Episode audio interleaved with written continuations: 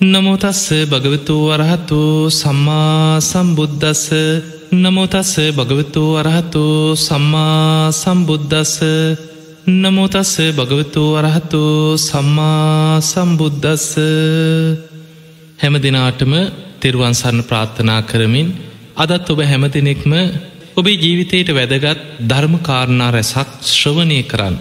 බොහොම සද්ධාවෙන් ධර්මාවබෝධය පිණිස සූදානං වෙච්ච මොහොතක්. පිංහතුනේ අද දවස අපේ මේ ධර්මය අවබෝධ කර ගැනීම පිණිස අපි තුළ ඇතිකරගත යුතු අංග මේ සෝතාපත්ති අංග සෝවාන් පුද්ගලයාගේ ස්වභාවේ මේ සක්කායි දිට්ටිය කියන්න මොකක්ද කොහොමද කෙනෙක් සෝවාන් පලට පත්වෙන්නේ අන්නේ වැදගත්ම කාරණා කීපය අද දවස මේ ධර්මානු ශාසනාවදී අපි සාකච්ඡා කරම. පිංහතුනේ දවසක් බුදුරජාණන් වහන්සේ මේ මහපොළොවෙ තින පුංචි වැලිකැට හතක් උන්වහන්සේගේ ශ්‍රී හස්තයට අරගෙන පුංචි වැලිකැට හතක් ගල් කැටකිම මේ ගල් කැට හත ශ්‍රී හස්තේ තබල භික්‍ෂූන් වහන්සේලාට පෙන්න්නනවා මහනෙන මේ මහපොළොවෙ තියෙන වැලිකැට ගල් කැට පස් කැට අතර වෙනසත්. තතාගතයන් වහන්සේගේ ශ්‍රී හස්තේ මත තියෙන මේ පුංචි ගල් කැට හතත් නුඹල දකිනවද එහෙමයි ස්වාමීණි. මහපොළොවෙ තියෙන වැලිකැට ගල් කැට පස් කැටත් එක්ක ගනිද්දි. මේ ශ්‍රී හස්තේ මත තියෙන මේ පුංචි ගල් කැට හත ගැන නුඹලට මොකද හිතෙන්නේ කියලා. ඒ වෙලා භික්‍ෂූන් වහන්සේලකින අනේ ස්වාමිනි භාගතුන් වහන්ස මේ ශ්‍රී හස්තේ තියෙන පුංචි ගල් කැට හතක් විතරයි. මහපොලෝ මත අති විශාල ගල් කැට පස් කැට ප්‍රමාණයක් තියෙන මේක සීයෙන් පංගුවත් දාහෙම් පංගුවල් ලක්සෙන් පංගුවක් ඉලක්කමකින් කියන්න බැරි තරන් දීර්ගයි හිතාගණ්ඩ බෑකිවයි ප්‍රමාණ බුදුරජාණන් වහන්සේ වදාළ මහනෙන මේ දීර්ඝ සංසාර ගමනේ නුඹලා විඳපු දුක් ප්‍රමාණය මේ පොළොවේ තියෙන වැලිකැට ගල්කැට පස්කැට වගේ කියලා හිතන්න කිව. සෝවාන් පලට පත්වෙච්ච කෙනෙක් අනාගතයේ විඳින්න ඉතිරු වෙලා තියෙන දුක් ප්‍රමාණය මේ ශ්‍රී හස්තේ මත තියෙන පුංචි ගල් කැට හත තරම් කියලා හිතන්න කිව. ඒකට හේතුව ඔබ දන්නවා සෝවාන් පලට පත්වෙච්ච කෙනෙක් තව උපරිම උපදිනවනං උපදින්නේ ආත්ම හතක් පවනයිකි. නතේ බවන් අට්ටමං ආදියන්ති සෝවාන් පලට පත්වෙච්ච කෙනෙක් කිසිම හේතුවක් නිසා අටවෙනි භවයක නං උපදින්නේ නෑ කියල බුදුරජාණන් වහන්සේ දේශනා කරනවා. එතකොට ආත්ම හතක් උපදිනවන. ඒ ආත්ම හතත් ඉපදීමත් දුකක්ම තමයි. දෙවුලව ඉපදුනත් මනුලව ඉපදුනත් සුගතිය ඉපදුනත් ඒක දුකක්. එතකොට ඒ ඉපදීමත් එක්ක ලැබෙන ජරාව්‍යාදි සෝක පරිදේව දුක්ක දෝමනස් උපායාසාදී දුක් ටිකක් තියෙනවා. හැබැයි ගෙවාගෙනාපු සංසාර දුකත් එක්ක ගනිද්දී අනාගතයේ සෝවාන් වෙච්ච කෙනෙකුට විදින්න ඉතුරු වෙලා තියෙන දුක් ප්‍රමාණය මේ පුංචි ගල් කැට හත තරන් කියලා හිතන්න කිව. හැබැයි ඔහු ගෙවල අවසන් කරපු දුක් ප්‍රමාණය අර පොළොවේ තියෙන වැලිකැට පස් කැට ගල් කැට තරං විශාලයි කියල බුදුරජාණන් වහන්සේ වදා. දවසක් බුදුරජාණන් වහන්සේ භික්‍ෂූන් වහන්සේලාට පෙන්න්නනව මහනෙන මේ ලෝකේම අධිපති භාවේ දරන සක්විති රජ පදවියටත් වඩා යුද්ධ දාහක් දිනනවට වැඩිය යුද්ධ කරලා යුද්ධ කළ යුද්ධ දාහක් දිනනවා. යුද්ධ දාහක් දිනලා ජයග්‍රහණය ලීලාවෙන් හිතනවා මම තමයි ලෝකෙම ඉන්න යුද්ධ දිනපු කෙන හැබැයි බුදුරජාණන් වහන්සේ වදාළ මහනෙන ඒ සියල්ලට වැඩි යුද්ධ දාහක් තිනනවට වැඩිය සක්විති රජ වෙනවටත් වඩා සෝවාන් පලේ ශේෂ්ටයි කියල බුදුරජාණන් වහන්සේ දේශනා කරන. ඊළඟට පිංහතුනේ සෝතාපන්න පලට පත්වීමේ වටිනාකම කොච්චරද කියන කාරණයේ ඔබට තේරුම් ගන්න තවත් දේශනාවක් තියෙන. මේ දේශනාව බුදුරජාණන් වහන්සේ උන්වහන්සේ බොහෝ දේවල් උපමා උපමේ ඇසුරු කරගෙන අපිට ජීවිතයේ නොපෙනෙන පැත්තක් පෙන්නල දෙන. දවසක් බුදුරජාණන් වහන්සේ වදාළ මහනෙන ඔන්න වැරදිකාරයෙක් අපරාධකාරයෙක් ඉන්නවා රජ්ජුරුවන්ට අල්ලගන්න බැරිවෙන්න හැන්ගේ හැඟන්න වැරදිකාරය. හදිසියම රාජ බටයන්ට මේ අපරාධකාරයක් කොටුවෙන. රාජ බටයන්ට අපරාධකාරයක් කොටුවනාට පස්සේ රජ්ජුරුව ළඟට අරගෙන ඇවිල්ලකින රජතුමනි මෙන්න අර අපරාධකාරය මේ විදිහට අපරාධ කරලා තියන මේ වගේ මිනි මරලා තියන මේ වගේ හොරකං කරලා තියෙනවා රජතුමා සුදුසු දඩුවමක් පමුණුවන්න කිය. ඒවෙලේ රජ්ජුරුව කරපු අපරාධ ගැන අහගෙන ඉඳලා කියනවා උල් පාරවල් සීයක් අනින්න කෙන උදේට දැම් මේ අපරාධකාරයට හෙල්ල පාරවල් සීයක් උල්ලොලින් අනිනෝ මික උපමාව. රජ්ජුරුවන්ට දවල් මතක්කෙන අර අපරාධකාරයා තාම ජීවත්වෙනවත් දන්නේ. රාජභටයන්ගේ විමසනවර පවකාරය තාම ඉන්නවද මැරුණද කිය. ඒ වෙලාකින රජතුමනි තාම පණ තියෙනවා කිය. රජ්ජුරුව කියනවත් දවල්ටත් හෙල්ල පාරවල් සීයක් කනින්න කිය. දැන් උල්වලින් සීයක් දවල්ටත් අනින. හවස නිදාගන්න යනකොට රජ්ජුරුවන්ට මතක් කෙනවා අර අපරාධකාරය තාම මැරුණද ඉන්නවත් දන්නේකි. රාජබටයන්ගේ විමසනකොට රාජබටයෝ කියන රජතුමනි තාමත් ඉන්නවා. එහෙනම් හවසටත් හෙල්ල පාරවල් සීයක් අනින්න කිය. එතකොට බලන්න උදේට හෙල්ල පාරවල් සීයයි දවල්ට හෙල්ල පාරවල් සීයයි හවසට හෙල්ල පාරවල් සීයයි තුන්සීයක්. මේ උපමාව බුදුරජාණන් වහන්සේ දේශනා කරනවා මහනෙනේ දවසකට හෙල්ල පාරවල් තුන්සීය බැගින්. අවුරුදු සීයක් එක දිගට අනින. මෙහෙම කෙනෙක් ජීවත් එන්නේ අඩුගාන හෙල්ල පාරවල එකක් දෙකක් අනිති මැර නොමික උපමාව. මේ උපමාව බුදුරජාණන් වහන්සේ අපට පෙන්නන්න උත්සා කරන්නේ ධර්මය අවබෝධ කිරීමේ වටිනාකම. බුදුරජාණන් වහන්සේ වදාළ මහනෙන දවසකට හෙල්ල පාරවල් තුන්සීය බැගින්. අවුරුදු සීයක් කාවිශ තියෙන කෙනෙකුට අවුරුදු සීයම හෙල්ල පාරවල් වලින් අනිනෝ. එහෙම ඇන්නට පස්සේ ඒ මහා දුක විඳල අවසන් වෙලා. කවුරු හරි කියනවනම් මහනිනි සෝවාන් වෙන්න පුළුවන් කියලා ඒකට කැමති වෙන්න කියනවා. එහෙම සෝවාන් වෙන්න බෑ. නමුත් කවුරු හරි කියනවන. ඒ විදිහ දුකක් විදලා දුක අවබෝධ කරන්න පුළුවන්. ඊට පස්සේ ධර්මය අවබෝධ කරන්න පුළුවන් කියල හේතු සහිතව කවුරු හරි කිව්වොත් මහනිනඒකට කැමතිවෙන්. ඊළඟට බුදුරජාණන් වහන්සේ දේශනා කරනවා ඇයි මහනිනි තතාගතයන් වහන්සේ වැනි දෙයක් දේශනා කරන්න. ඒකට හේතුව තමයිකිනම් මේ ගෙවාගෙනාපු දීර්ඝ සංසාර ගමනි. ධර්මය අවබෝධ නොකිරීම නිසා හෙල්ල පාරවල් කාලා මැරිච්ච වාරගාන ඊට වඩා වැඩීකිෙන. අන්න අපිට නොපෙනෙන පැත්ත. එළුව වෙලා බෙලි කැපුම් කාපු ආරවල ගලාගෙන ගිය ලේ මේ සතර මහා සාගරයේ ජලයට වඩා වැඩී කියෙන්. කුකුල්ලු වෙලා හරක් වෙලා බෙලි කැපුම් කාපු වාරවල ගලාගෙන ගිය ලේ සතරමහා සාගරයේ ජලයට වඩා වැඩී කිය. එතකොට මේ දීර්ඝ සංසාර ගමනේ සතරාපායි වැටි වැටි අපි ආපු ගමන බුදුරජාණන් වහන්සේ දේශනා කරන්නේ අනමතක්ගෝයම් භික්කවේ සංසාරු. මහනෙන මේ සංසාර ගමන අනවරාග්‍රයි. පුබ්බා කෝටින් නපඥ්ඥායති. පටන්ගත්ත කෙලවරක් නොපෙනෙන තරත් දීර්ගයි කියන. එතකොට ඒ දීර්ඝ සංසාර ගමනේ අපි සතරාපායි මහගෙදර කරගෙනාපු ගමන. ඒ ගමන තුළ අපි විඳල තියෙන දුක් ප්‍රමාණය ගත්තොත් මේ අවුරුදු සීයක් හෙල්ල පාරවල් දවසකට සීයගානේ කවුරු හරි දනුවමක් හැටියට විඳලා. එතනින් මේ ගමන අවසන් කරගන්න පුළුවන්නන් සංසාර ගමන මහන ඒකට කැමති වෙන්න කිය. මේ කියපු හැම උපමාවකින් අපිට පේන්නේ සූවාන් පලට පත්වෙනවා කියන එක මොනතරං ශේෂ්ඨ දෙයක්ද. මොනතරන් දුකෙන් මිදෙන මාර්ගයකට බැස ගැනීමක්ද. දැයි සමහරු සෝවාන් සෝවාන් කීවට මොකක්ද මේ කියන එක හරි තේරුමක් නෑ. සෝතා පන්න සෝතා පන්න කියන ආර්යෂ්ඨාංක මාර්ගයට පැමිණෙනවා කියන අර්ථයයි සෝතා පන්න කෙනෙක අර්ථය. වේදල්ල සූට්‍රි සඳහන් වෙනවා සෝතා පන්න සෝතා පන්න කියන මොකක්ද කියලාහන්. ඒ වෙලායි මහරහතන් වහන්සේ නමක් පිළිතුරු දෙනවා ආර්යෂ්ඨාංක මාර්ගයට බැසගන්නවා. ආර්යෂ්ඨායික මාර්ගයට බැසගන්නවා කියන අර්ථයෙන් කියන සුවාන් කියල කියන්න. දැන් තව කෙනෙක් මේක පටලගන්න පුළුවන් මේ විදිහට. මොකද එකම අර්ථය එක්කම වච්චනේ අර්ථ කීපයකට එදෙන අවස්ථා තියෙන. ඔබ දන්නවා කනට කියන්නේ සෝත. චක්කු සෝත ගාන ජිව්හා ඔය විදිහට මේ ආයතන විස්තර කරන. එතකොට සෝත කියන කනට. එතකොට කනට ධර්මයනවා කියන එක නෙමේ සෝවාන් කියන්න. ඊළකට සෝත කියන සැඩ පහරට වේගෙන් ගලාගෙන යන සැඩ පහරට ධර්මය කියන සෝත කිය. සැඩ පහරට පනිනවා කියනෙකවා සැඩ පහරට අහුවෙනවා කියනෙකවත් නෙවේ සෝතා පන්න කිය.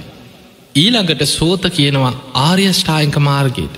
බුදුරජාණන් වහන්සේගේ ධර්මයේ සඳහන් වෙනවා එහනං සෝතා පන්න කියන එකේ නිවරදි ධර්මානුකූල තේරුම තමයි ආර්යෂ්ඨායක මාර්ගයට පැමිණුණ ආර්යෂ්ඨායක මාර්ගයට ඇතුල්ලුනා කියන එකයි සෝතා පන්න කෙනෙකේ තේරු. පිංහතුනී සෝතා පන්න වෙන පුද්ගලය තමයි ආර්යෂ්ඨායක මාර්ගයට ඇතුල්ලේ ඒ මාර්ගයට බැසගත්. ආර්යෂ්ඨායක මාර්ගයට ඇතුල්ලෙන්න තියෙන්නේ සම්මා දිට්ටියේ සත්‍යඥානය ඇතිකර ගැනීමේ. චතුරාරි සත්‍යය සත්‍යඥාන කෘත්තිඥාන කෘතඥාන වසයෙන්. තිපරිවට්ටන් දවාදසාකාරං ආකාරයට අවබෝධ කරගත යුතුයි. එදකොට පරිවර්ත තුනකින් එක ආරි සත්‍යයක් පරිවර්ත තුනකින් දුක්කාරි සත්‍යය දුකක් හැටියට මේ දුක ආරි සත්‍යයක් මයි කියලා යාට අවබෝධ වෙන.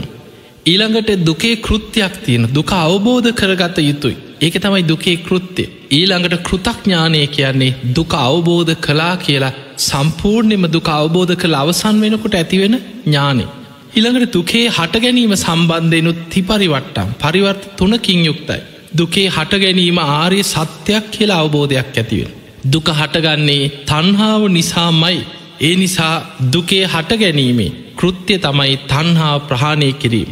එක ප්‍රහාණය කළ යුතු දෙයක්. ඒ නිසා තන්හා ප්‍රහාණය කළ යුතු ඒක තමයි කෘත්‍යය. කෘතඥාන කියන්නේ තන්හාාව ප්‍රහාණය කලා කියලා ඇතිවෙන අවබෝධඥාන. ඊළඟට දුක නැතිවීම සම්බන්ධයනුත් පරිවර්ත තුනකින් යුක්ත අවබෝධයක් ඇතිවෙන්. දුක නැතිවීම ආරි සත්‍යයක් කියලා අවබෝධ වෙන. දුක නැතිවීම නම් වූ නිවන සාක්ෂාත් කළ යුතු ඒක තමයි එක කෘත්තිය. නිවන සාක්ෂාත් කරන්නට ඕන.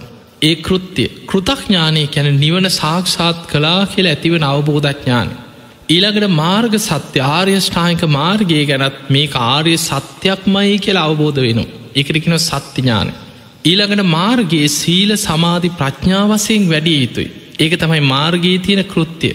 සීල සමාධි ප්‍රඥාවසයෙන් වඩල අවසන් වනා කියල ඇතිවෙනවනං අවබෝධයක් ඒක තමයි කෘතඥානි. මෙන්න මේ විදිහට දුක දුකේ හට ගැනීම දුක නැතිවීම දුක නැති කරන මාර්ගි. මේ චතුරාරි සත්‍යය එකක් පරිවර්ත තුනකි. තිපරිවට්ටං දවාදසාකාරත් දොළොස් ආකාරයකට පරිපූර්ණව අවබෝධ කරගත්ත කෙනා තමයි උතුම් රහතන් වහන්සේ නමක් බවට පත්තේ. සෝවාන් වෙන පුද්ගලයට මේ චතුරාරි සත්‍යයේ පරිපූර්ණ අවබෝධයක් නෙමේ තියෙන්. ඔහුට තියෙන සත්‍යඥානෙ. දුක කියන්නේ ආරි සත්‍යයක්මයි. දුකේ හට ගැනීම ආරි සත්‍යයක්මයි. දුක නැතිවීම ආරි සත්‍යයක්මයි. දුක නැති කරන මාර්ගය ආරි සත්‍යයක්මයි කියෙන සත්‍යඥානය ඇතිකර ගත්තකින්. එනිසා මෙන්න මේ සත්‍යඥානය ඇතිකර ගැනීම මයි සෝවාන් පලට පත්වීම. ඒ සත්‍යඥානය ඇති වෙනකොට මේ දීර්ග සංසාර ගමනේ තමන් තුළ බැඳි බැඳී යාපු සංයෝජන තුනක් ප්‍රාණය වෙලා යනු. ඒ තමයි සක්කාය දිට්ටිය විචිකිච්චා සීලබ්බත පරාමාස කියන ත්‍රිවිධ සංයෝජන. පිංහතුනේ දස සංයෝජන හැටියට මේ සංසාරික සත්‍යයා ගැලවෙන්න බැරුව මේ සංසාරයට බැඳිලා ඉන්නේ දස සංයෝජනයන් නිසා. මේ දස සංයෝජන අතර කාමලෝකයට බැඳල තියෙන සංයෝජන පහක් තියෙන. පහලට බැඳ තබන සංයෝජන පංච කාමයන්ට ඒ තමයි සක්කායදිට්ටි විචිකිච්චා සීලබ්බත පරාමාසකෙන ත්‍රවිධ සංයෝජන. ඊළඟට එයා කාමයන්ගෙන් මිදුනත් රූපී අරූපී ලෝකවලටයා බැඳී යන තවත් සංයෝජන පහක් තියෙනවා. රූපරාග අරූපරාග මාන උද්දච්ච අවිද්‍යා කියෙන සංයෝජන පහ. එතකොට මේ සංයෝජනවලින් එයා රූපී අරූපී ලෝකවලට බැඳිලා යනවා. අනෙක් සංයෝජන පහ සක්කායදිට්ට විචිකිච්චා සීලබ්බත පරාමාස කාමරාග පටික කියන මේ සංයෝජන පහ නිසා කෙනෙ කාමයන්ට පංච කාමයන්ට පහලට බැඳී යන. මෙන්න මේ දස සංයෝජනයම්ම කෙනෙක් ප්‍රහාණය කරොත් අන්නේ කෙනා රහතන් වහන්සේ නමක් බවට පත්වෙනවා. පිංහතුනේ ඒ පිණිස යන ගමනේ පලවෙනිම පියවර තමයි ධර්මමාර්ගයට බැස ගැනීම සෝවාන් පලට පත්වීම. පල්ලවෙනිම සංයෝජන තුන සක්කායදිට්ටිය විචිකිච්චා සීලබ්බත පරාමාසකෙන ත්‍රිවිධ සංයෝජනයන් ප්‍රහාණය කර ගැනීම. ඒ තුළින් මයි කෙනෙක් සෝවාන් පලට පත්තෙන්. සෝත කියන්නේ ආර්යෂ්ඨායක මාර්ග ආර්යෂ්ඨායක මාර්ගයට පැමිණුණ පැමිණෙන්න තියෙන්නේ චතුරාරි සත්‍යයේ සත්‍යඥානය ඇතිකර ගැනීමෙන්මයි. පිංහතුනී මේ සෝවාන්වීම පිණිස ඔබට අවශ්‍ය කරන කාරණා හතරක් බුදුරජාණන් වහන්සේ පෙන්න්නනවා. ඒවට ධර්මී කෙන සෝතාපත්ති අංග කියලා. ඒ අංග හතරින් බාහිරින් ලැබෙන අංග දෙකක් තියෙනවා. ඒ තමයි කල්්‍යයාන මිත්‍ර සේවනයයි සද්ධර්මශ්‍රවනය අන්න සෝවාන් පලට පත්වෙන්න නම් බාහිරින් අපිට කල්්‍යයාන මිත්‍ර සේවනය ලැබෙන්න ඕන. ඒ කල්්‍යයාන මිත්‍රයාගෙන් තමයි සද්ධර්මශ්‍රවනී පිරිසිදු ධර්මය බුදුරජාණන් වහන්සේ වදාලයේ නිවන් මග ධර්මාවබෝධය ලබන මාර්ගයේ සක්කායදිට්ටිය නැති කරන මාර්ගයේ මේ චතුරාරි සත්‍ය ගැන ඒ සද්ධර්මය අපිට අහන්න ලැබෙන්න්නෝට. එතකොට මේ දෙක බාහිරි ලැබෙන දෙයක් කල්්‍යයාන මිත්‍රයන්ගෙන්මයි සද්ධර්මය ලැබෙන. කල්්‍යයාන මිත්‍රයා කරන්නේ අපිව නිවන් මගේ යොමු කරන කෙන. ඔය උපඩ්ඩ සූත්‍රයේ සාරිපුත්ත සූත්‍රය වගේ සංයුක්ත නිකායි සඳහන් වෙන දේශනාවල බුදුරජාණන් වහන්සේ උන්වහන්සේවත් කල්්‍යයාන මිත්‍රයෙක් හැටියට හඳුන්නලා තියෙන. ආනන්දේ කල්්‍යයාන මිත්‍ර වූ තතාගතයන් වහන්සේ කරා පැමිණෙන. ඉපදීම ස්වභාවය කොටගත් සත්‍යයන් ඉපදීමෙන් මිදෙනවා. කල්්‍යයාන මිත්‍ර වූ තතාගතයන් වහන්සේ කරා පැමිණෙන. ජරා මරණ උරුම කරගත් සත්‍යයන් ජරාමරණවලින් නිදහස් වෙනවා. කල්්‍යයාන මිත්‍ර වූ තතාගතයන් වහන්සේ කරා පැමිණෙන.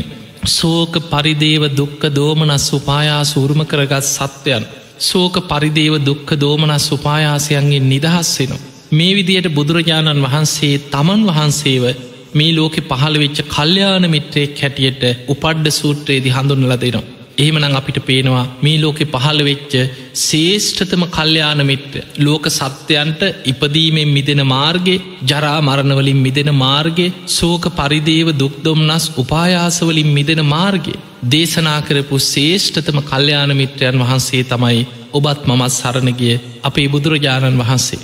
ඒ කල්්‍යයාන මිත්‍රයන්ගෙන් සද්ධරමය පිරිසිදු ධර්මය අහන්න ලැබෙන්න්න ඕන. නිවන කරායන ධර්මය අහන්න ලැබෙන්න්නට ඕන. ඒ දෙක බාහිනින් ලැබෙන දෙයක් දැන් අදගත්තොත් ඔබට හොඳටම ලැබෙන. අද කොච්චර බණහන්න තියෙන කාලයත්. හැබැයි මේ රටේ මීට අවුරුදු පහලවකට විස්සකට එහා ඔබ හිතුවොත්. ඔබේ අම්මල තාත්තලට ඔබේ ආච්චිල සියලට මේ තරම් බණහන්න ඒ කාලේ ධර්ම දේශනා මාධ්‍ය බණපොත්පත් ඒව මිනිස්ව අතර සුලභව තිබුන්නෑ. ඒ නිසා ඔබහල ඇති ඉස්සර අනුරාධපුර යුගේ අරියවංස දේශන පැවැත්වෙනු. ඊළඟට පෝය දවස්වලට තමයි තුන්යම් රාට්‍රී ධර්ම දේශනා සිදුවෙන්. මේ බණහන්න මිනිස්සු දකුණේ දං තිස්ස මහාරාමී දං අනුරාධපුරයට පයින් ගිහිල්ල බණහලයිනු. ඉස්සර ධර්මය අහන්න නැති නිසා මිනිස්සු ධර්මය හොයාගෙන යුතුන් ගනම් පයින් ඇවිදගෙන ගියා බණපදයක් අහලයි. ඊළඟට ඔබ දන්න කාලි. ඔබේ ආච්චිල සියල අම්මල තාත්තලට බණපොතක් අත්තිබිලරේ. වැඩිපුර මිනිස්ව අතර තිබුණේ ජාතක පොත් වහන්සේ. පිරිවානා පොත් වහන්සේ.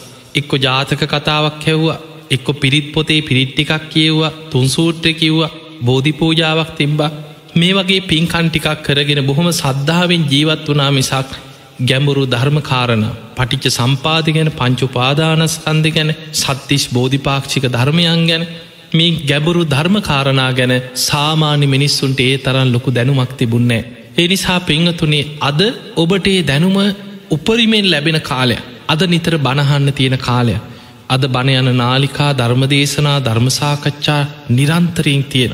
ඒ නිසා මේ ලැබිච්ච මනුස්ස ජීවිතය තුළ ධර්මය දියුණු කරගන්න ඔබ දක්ෂවෙන්. හොඳට බණහන්. බාහිරින් ලැබෙන කල්්‍යයාන මිට්‍ර සේවනයයි සද්ධර්මශ්‍රවනයනුයි උපරිම ප්‍රයෝජනයක් ගන්න. ඊළඟට පිංහතුනේ සෝවාන් පලට පත්වෙන්න නං තමන් තුළ ඇතිකර ගත යුතු අංග දෙකක් බුදුරජාණන් වහන්සේ පෙන්න්නනවා. තමා තුළ ඇතිකර ගත යුතු අංග දෙකක්. ඒ තමයි යෝනිසෝ මනසිකානයත් දම්මානු දම්ම ප්‍රතිපදාව. යෝනිසෝ මනසිකාරය ධර්මාවබෝධය පිණිස වටිනාම වැදගත්ම දෙයක් තමයි තමා තුළ ඇතිකර ගත යුතු අහන ධර්මය නුවනින් විමසී. තමා තුළින් ගලපා බැලි මේ ධර්මය ඕපනයිකයි. තමා තුළින් විමසල බලන්න තියෙන්. ඒ නිසා ඔබ මේ අහන ධර්මකාරණා තමා තුළින් විමසා බලන්න දක්ෂ වෙනවන. දම්මානු දම්ම ප්‍රතිපදාව දෙනවා කියන්නේ ධර්මයට අනුකූල ජීවිතයක් ගත කරනවා. අන්න ඒ සඳහා ඔබ දක්ෂ වුණොත් ඔබට මේ ධර්මය අවබෝධ කරගන්න පුළුවන්. පිංහතුනී ආලවක සූත්‍රයේ ආලෝක කියන යක්ෂය බුදුරජාණන් වහන්සේගෙන් විමසනවා කතන්සු ලබතයේ පඤ්ඥා. ප්‍රඥාව ලබන්නේ කොහොමද මේ ප්‍රඥාව ලැබෙන්නේ කොහොමද කියලා. හිතනති බුදුරජාණන් වහන්සේ සතර පද ගාථාවකි විස්තර කරනවා සද්ධානෝ අරහතන් දම්මං නිබ්බාන පත්තිය සද්ධාවෙන් නිවන කරායන ධර්මය අහනෝ. සුස්සූසා ලබතේ පඤ්ඥා අපපමත්තෝ විචක්කනු.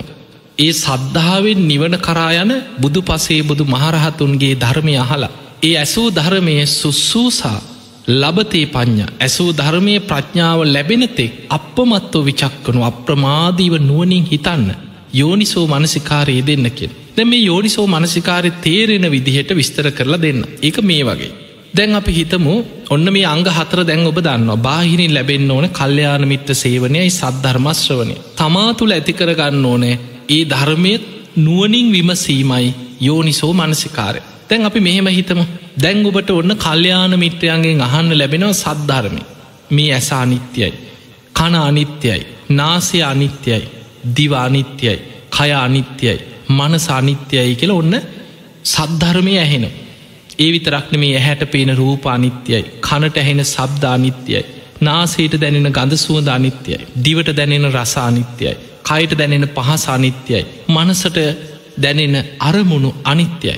ඊළඟට මේ ආයතන හයේ හටගන්න විඤ්ඥානේ ඉස්පර්සය වේදනා සංඥා චේතනා මේ පංච උපාදානස්කන්දේ ආයතන හය තුළ අනිත්‍යයි කියලා ඔන්න බණක් ඇහෙනු දැන් ඔන්න කල්්‍යයාන මිත්‍රයන්ගේ සද්ධර්මශ්‍රවනය ලැබුණ. ඒ බණ ඇසීම ඔබට දැනුම ඇති කරන්න. ඇ සමහරු බනහලා හිතන ඉතින් අපි දන්නවන අපි ඕක අහලා තියෙනවන. කෝ ඉතින් අපිට අවබෝධ වනා කියලා හිතන්න පුළුව ඒක දැනුමක්. ඔබ අහලා දැනුම ඇති කරගන්න දැන් ඔබ දන්න ඇ අනිත්‍යය කියල හොඳටම දන්න කනත් අනිත්‍යය කියල දන්න තැ සමහරු කියෙන ඕක ඉතින් අපි කවුරුත් දන්නවන. ඕක වෙනස් වෙනවා ලෙඩ වෙනවා වයිසට යනවා මැරෙනවා. හැබැයි දැම්මේ අහපු දේ යෝනිසෝ මනසිකාරී දෙනවා කියලා කියන්නේ තමාතුලින් විමසල බලන තමාතුලින් විමසල බලන්නේ කොහොමද? ඇත්තටම මගේ එහැ අනිත්‍යද කියලා තමන්ගේ ඇහැතුලින් විමස විමස බලන එහෙම විමසල බලනකොට අර අපි කවුරුත් දන්න අපිට පේන අනිත්‍යයක් තියෙන පේන අනිත්‍යය තමයි මේ ඇහැ ලෙඩ වෙනවා. වයිසට යනු. ජරාවට පත්වෙනු තුවාල හැදෙනු. කුණු වෙන. ඒක කවුරුත් දන්න කාටත් පේන අනිත්‍යයක්. ඒක අන්‍යාගමිකයකුට වනත් ඇහැ වයිසට යනවා ලෙඩ වෙනවා ජරාවට පත්වෙන මැරුණහම කුණු වෙලායනවා කියල මේ ලෝක හැමෝම දන්න හැබැයි ඒ දන්න දේ තුළින් අපිට නොදන්න දෙයක් කරා ගැඹුරෙන් විමසන්න නං ධර්මයට අනුව ගල්ප ගල්ප බලන දැන් අන්න අප යෝනිසෝ මනසිකාරයේ ඇස ගැන බලනකොට පේනවා මගේ හැ ලෙඩ වෙනවා වයිසට යනවා ජරාවට පත්වෙනවා තුවාල හැදිනො කුණු වෙලා යන ඇයි මෙහෙම වෙන්නේ? අන්න දැ ධර්මය තුළින් අපිට තේරෙනවා මේ ඇස හටගෙන තියෙන්නේ නාමරූප පච්චයා සලායතන. නාමරූපයන්ගෙන් හටගත් ආයතන හයක් මට තියේ එහෙමනං ඇස කියන්නේ නාමරූපයන්ගෙන් හටගත්ත දෙයක්.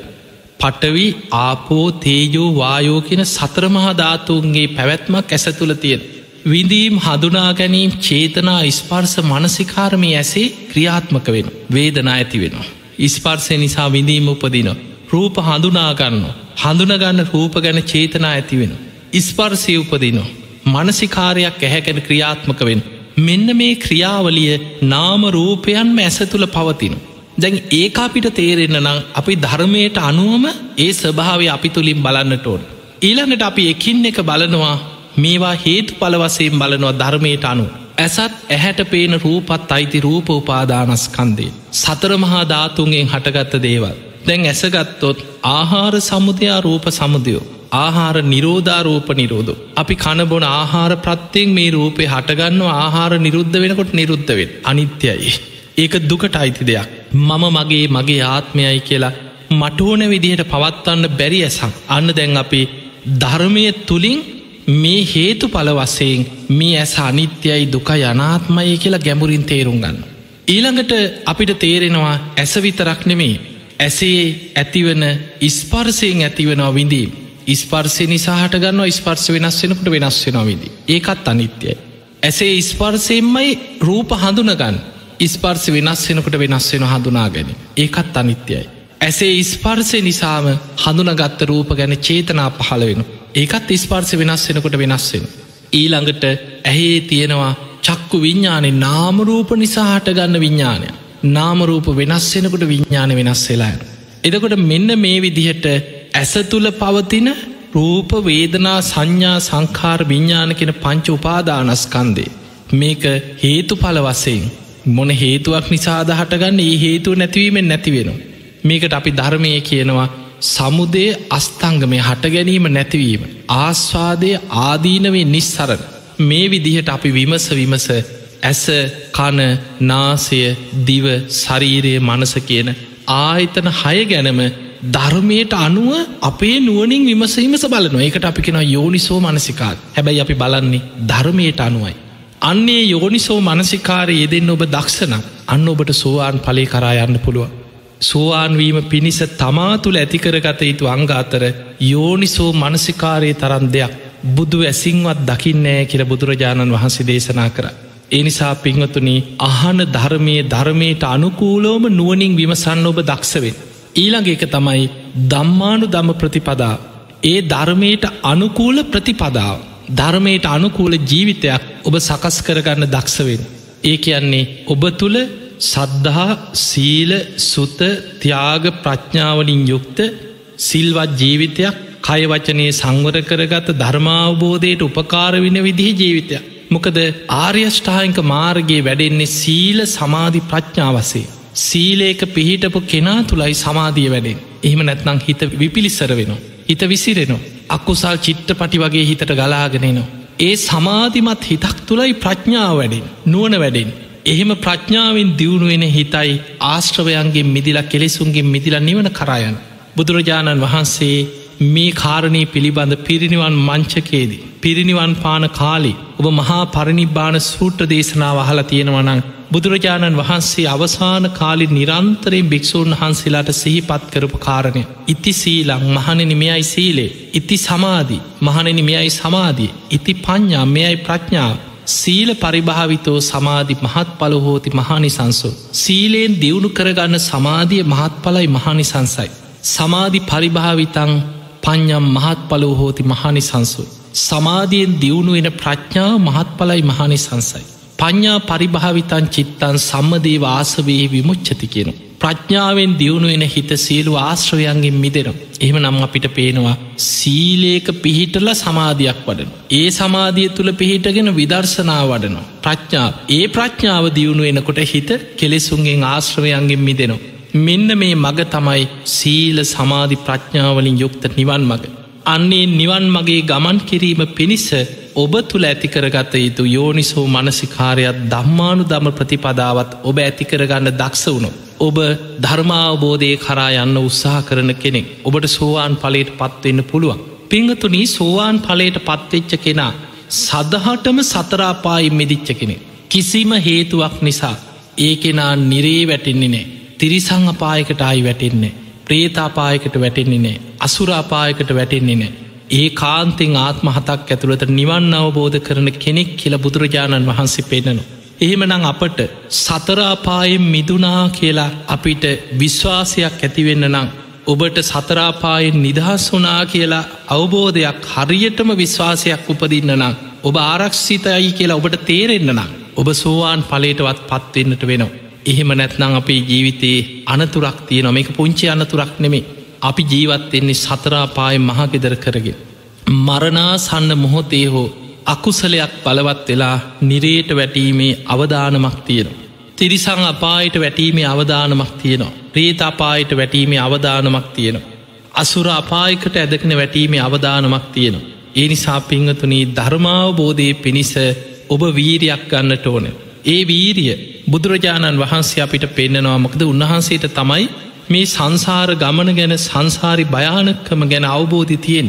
එක අවස්ථාවක බුදුරජාණන් වහන්සේ වදාළ මහනෙන මේ ලෝකෙ සත්වයක් ලෝතුරා බුදු කෙනෙක් තරන් මේ සංසාර ගමනි භයානකකම ගැන දන්න වනං වැටහීමක් තියෙනවන. හිස්ස ගිනි ගත්ත කෙනෙක් ගින්න නිවන්න මහන්සේනවා වගේ. ආයුදයකින් පහරක්කාපු කෙනෙක් තුවාලයක් සනීප කරන්න වෙහෙසෙනවා වගේ ධර්මාවබෝධයට වීරිය වඩනවා කියල. බොහෝ වෙලාවට අපිට පේනවා සමාජය තුළ මිනිස්සුන්ට වීරිය කියන එක නැති වෙලා තියෙන් පස්සෙ බැරිය තව කල් තියෙනවා. පස්සෙ බැරිය ඇකි ඉන්නවා. ඒ තුළ ඔහු දන්නෙම නෑ අනතුර තමන් ළඟට මේනකම්. සමහරු හිටි ගමන් ඔත්පල වෙන. හිටි ගමන් සිහිකල්පනාව නැති වෙනවා. වයිසට ගිහිල්ල නොසීතන විදිහ ලෙඩරෝගවලට ගොදුරු වෙනවා.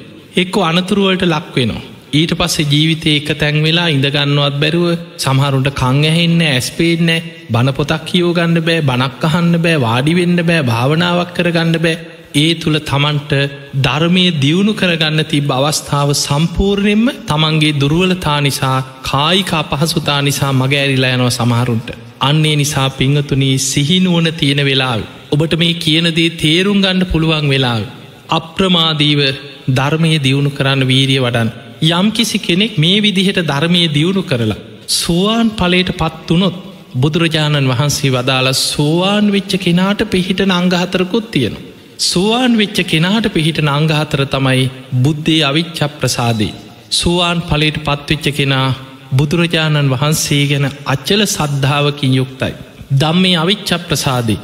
සුවාන් පලට පත්වෙච්ච කෙනා ධර්මය ගැන අච්චල සද්ධාවකින් යුක්තයි. සංගේ අවිච්ච ප්‍රසාදී. සුවාන් පලට පත්වෙච්ච කෙනා මාර්ග පල්ලාබී ශ්‍රාවක සංඝයා ගැන අච්චල සද්ධාවකින් යුක්ත එයාගේ සද්ධාව කාටවත් වෙනස් කරන්න බෑ. ඊළඟට ආර්ය කාන්ත සීලයෙන් යුක්තයි. දිවිහිමියෙන් සිල් රකින කෙනෙක් යා කිසිම හේතුවක් නිසා අච්චර පවකාරය අච්චර වැරදි වැඩ කරනවන මංකරපු හම්මොකද කියලා කවදාවත් තමන්ගේ වැරැද්ද සාධහරණය කරණය කරමින් සුවාන් වෙච්ච කෙනා අකුසල්වලට පෙළඹෙන්නේ. ඔහු ආයතින් සංවරයට පැමිණෙනවා. පුංචි ප්‍රමාදයක් නිසා හිත පල්ලෙහාට වැටුණක් ආයි සැනින් සිහිය උපදවාගන්න හැබැයි කිසිම විදිහකින් ඔහු අපායගාමි අකුසලේකට නම් වැටින් නෑ කියල බුදුරජාණන් වහස පෙන්න්නන. අන්නේ නිසා පින්වතුනී මේ භයානක සංසාර ගමනි අපට තියෙන එකම රැකවරණේ ධර්මය අවබෝධ කර ගැනීම මයි. හැබැයි මේ ධර්මාවබෝධය කියන එක පිළිවලකට යන්න දෙයක් බැඩෙන දෙයක්. එක මේ වගේ. බුදුරජාණන් වහන්සේ පහරාද සූත්‍ර පෙන්වා පටන්ගන්නකොටම නිවන් දකිනව නෙමේ. මේ බුද්ධ ශාසනීට ඇතුල් වෙනවා කියන්නේ හරියට මහා සාගරයට බහිනාවගේ වැඩක් කිව්. ඉස්සල්ලා වෙරලට යනවා. ඊට පස්සෙ ටික ටික ටික ටික තමයි මුහුද ගැඹුර කරායන්න. ඒ වගේ බුදුරජාණන් වහන්සේ පෙන්නවා මහනෙන මගේ බුද්ධ ශාසනයත් ඔය වගේ මයි කියෝ. ටික ටික ටික ටික ගැඹුර කරායනු. අනුපුබ්බ සික්කා අනුපුබ්බ කිරියා අනුපුබ්බ ප්‍රතිපදා. අනුපිළිවලින් සීලේක පිහිටල අනුපිළිවලින් ධර්මය වඩමින් අනුපිළිවලින් ප්‍රතිපදාවේදමින් ක්‍රමාණුකූලව ධර්මාවබෝධය කරායන වැඩ පිළිවෙල. ඉස්සල්ලාම කෙනෙක් සද්ධානුසාරී හෝ දම්මානුසාරී විදිහට සෝවාන් මාර්ගයට පැමිණෙනවා. ඒ මාර්ගයට පැමිණිච්ච කෙනා තමයි සෝවාන් පලට පත්තේ. ඊළඟට ඔහු සකදාගාමී මාර්ගය වඩලා පලයට පත්වෙනවා. ඊළඟට ඔහු අනාගාමී මාර්ගය වඩලා අනාගාමී පලයට පත්වෙනවා. ඊළඟට වූ අරහත් මාර්ගය වඩලා උතු මරහත්වයට පත්වෙනවා රහත්වෙනවා. එතකොට මේ බුද්ධ ශාසනය තුළ ධර්මාබෝධය ලබනවා කියන ක්‍රමාණුකූලව ගැඹුර කරායන වැඩ පිළිවෙල. ක්‍රමාණුකූලව ගැඹුර කරායන වැඩ පිළිවෙලක් බුදුරජාණන් වහන්සේ පෙන් අන්නේ නිසාමයි කියනවා භික්‍ෂු භික්‍ෂුණී උපාසක උපාසිකාවන්. මේ බුද්ධ ශාසනයට මේ තරං ආස කරන්න. මේ බුද්ධ ශාසනයට මේ තරං ඇලුම් කරන්නේ ඒ නිසයි කියල බුදුරජාණන් වහන්සේ වදාල්. එනිසා පිංහතුනි ඔබත් බුද්ධ ශාසනයට ඇලුම් කරන කෙනෙක්නම් බුද්ධ ශාසනයට ආස කරන කෙනෙක්න මේ භයානක සංසාර ගමන ගැන බුදුරජාණන් වහන්සේගේ දේශනාත් තුළින් යම් වැටහීමක් හරි තියෙන කෙනෙක්න මේ ලැබිච්ච මනුස්ස ජීවිතය තුළ ධර්මය දියුණු කරන්න උත්සාහයක් ගන්න ධර්මය අවබෝධ කරන්න වීරිය වඩන් ඒ නිසයි බුදුරජාණන් වහන්සේ නිරන්තරයෙන් පෙන්වේ මහනෙන යලීපදිමින් යන සංසාර ගමන.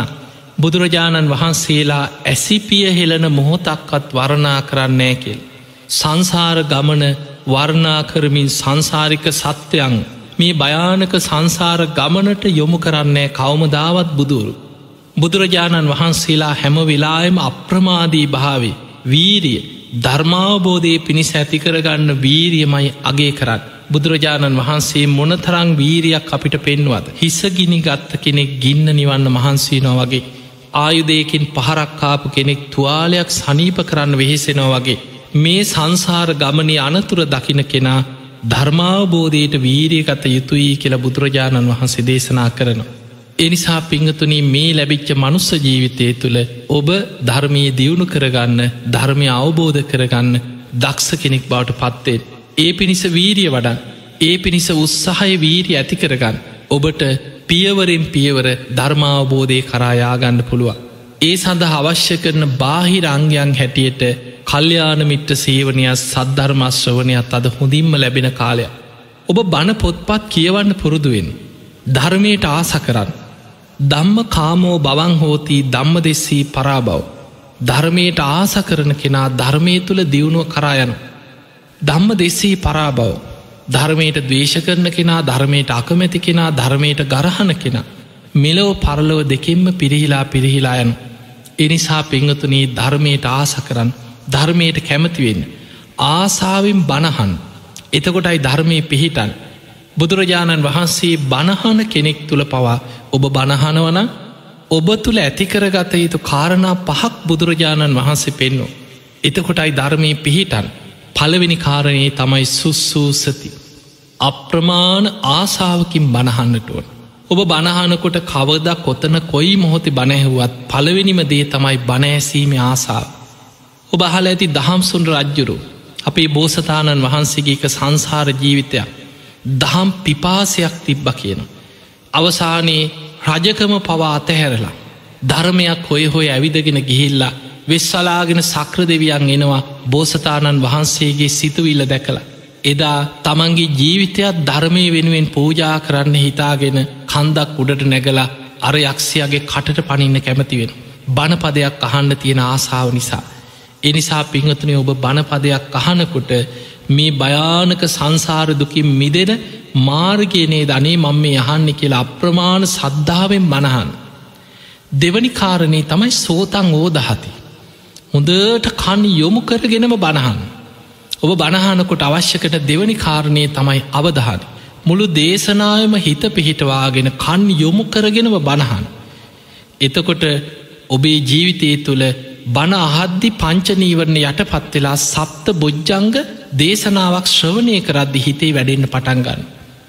තුංගෙන ඒක තමයි හිතේ අධිෂ්ඨානයක් ඇති කරගන්න අඥ්ඥාය චිත්තං උපට්ට පේති.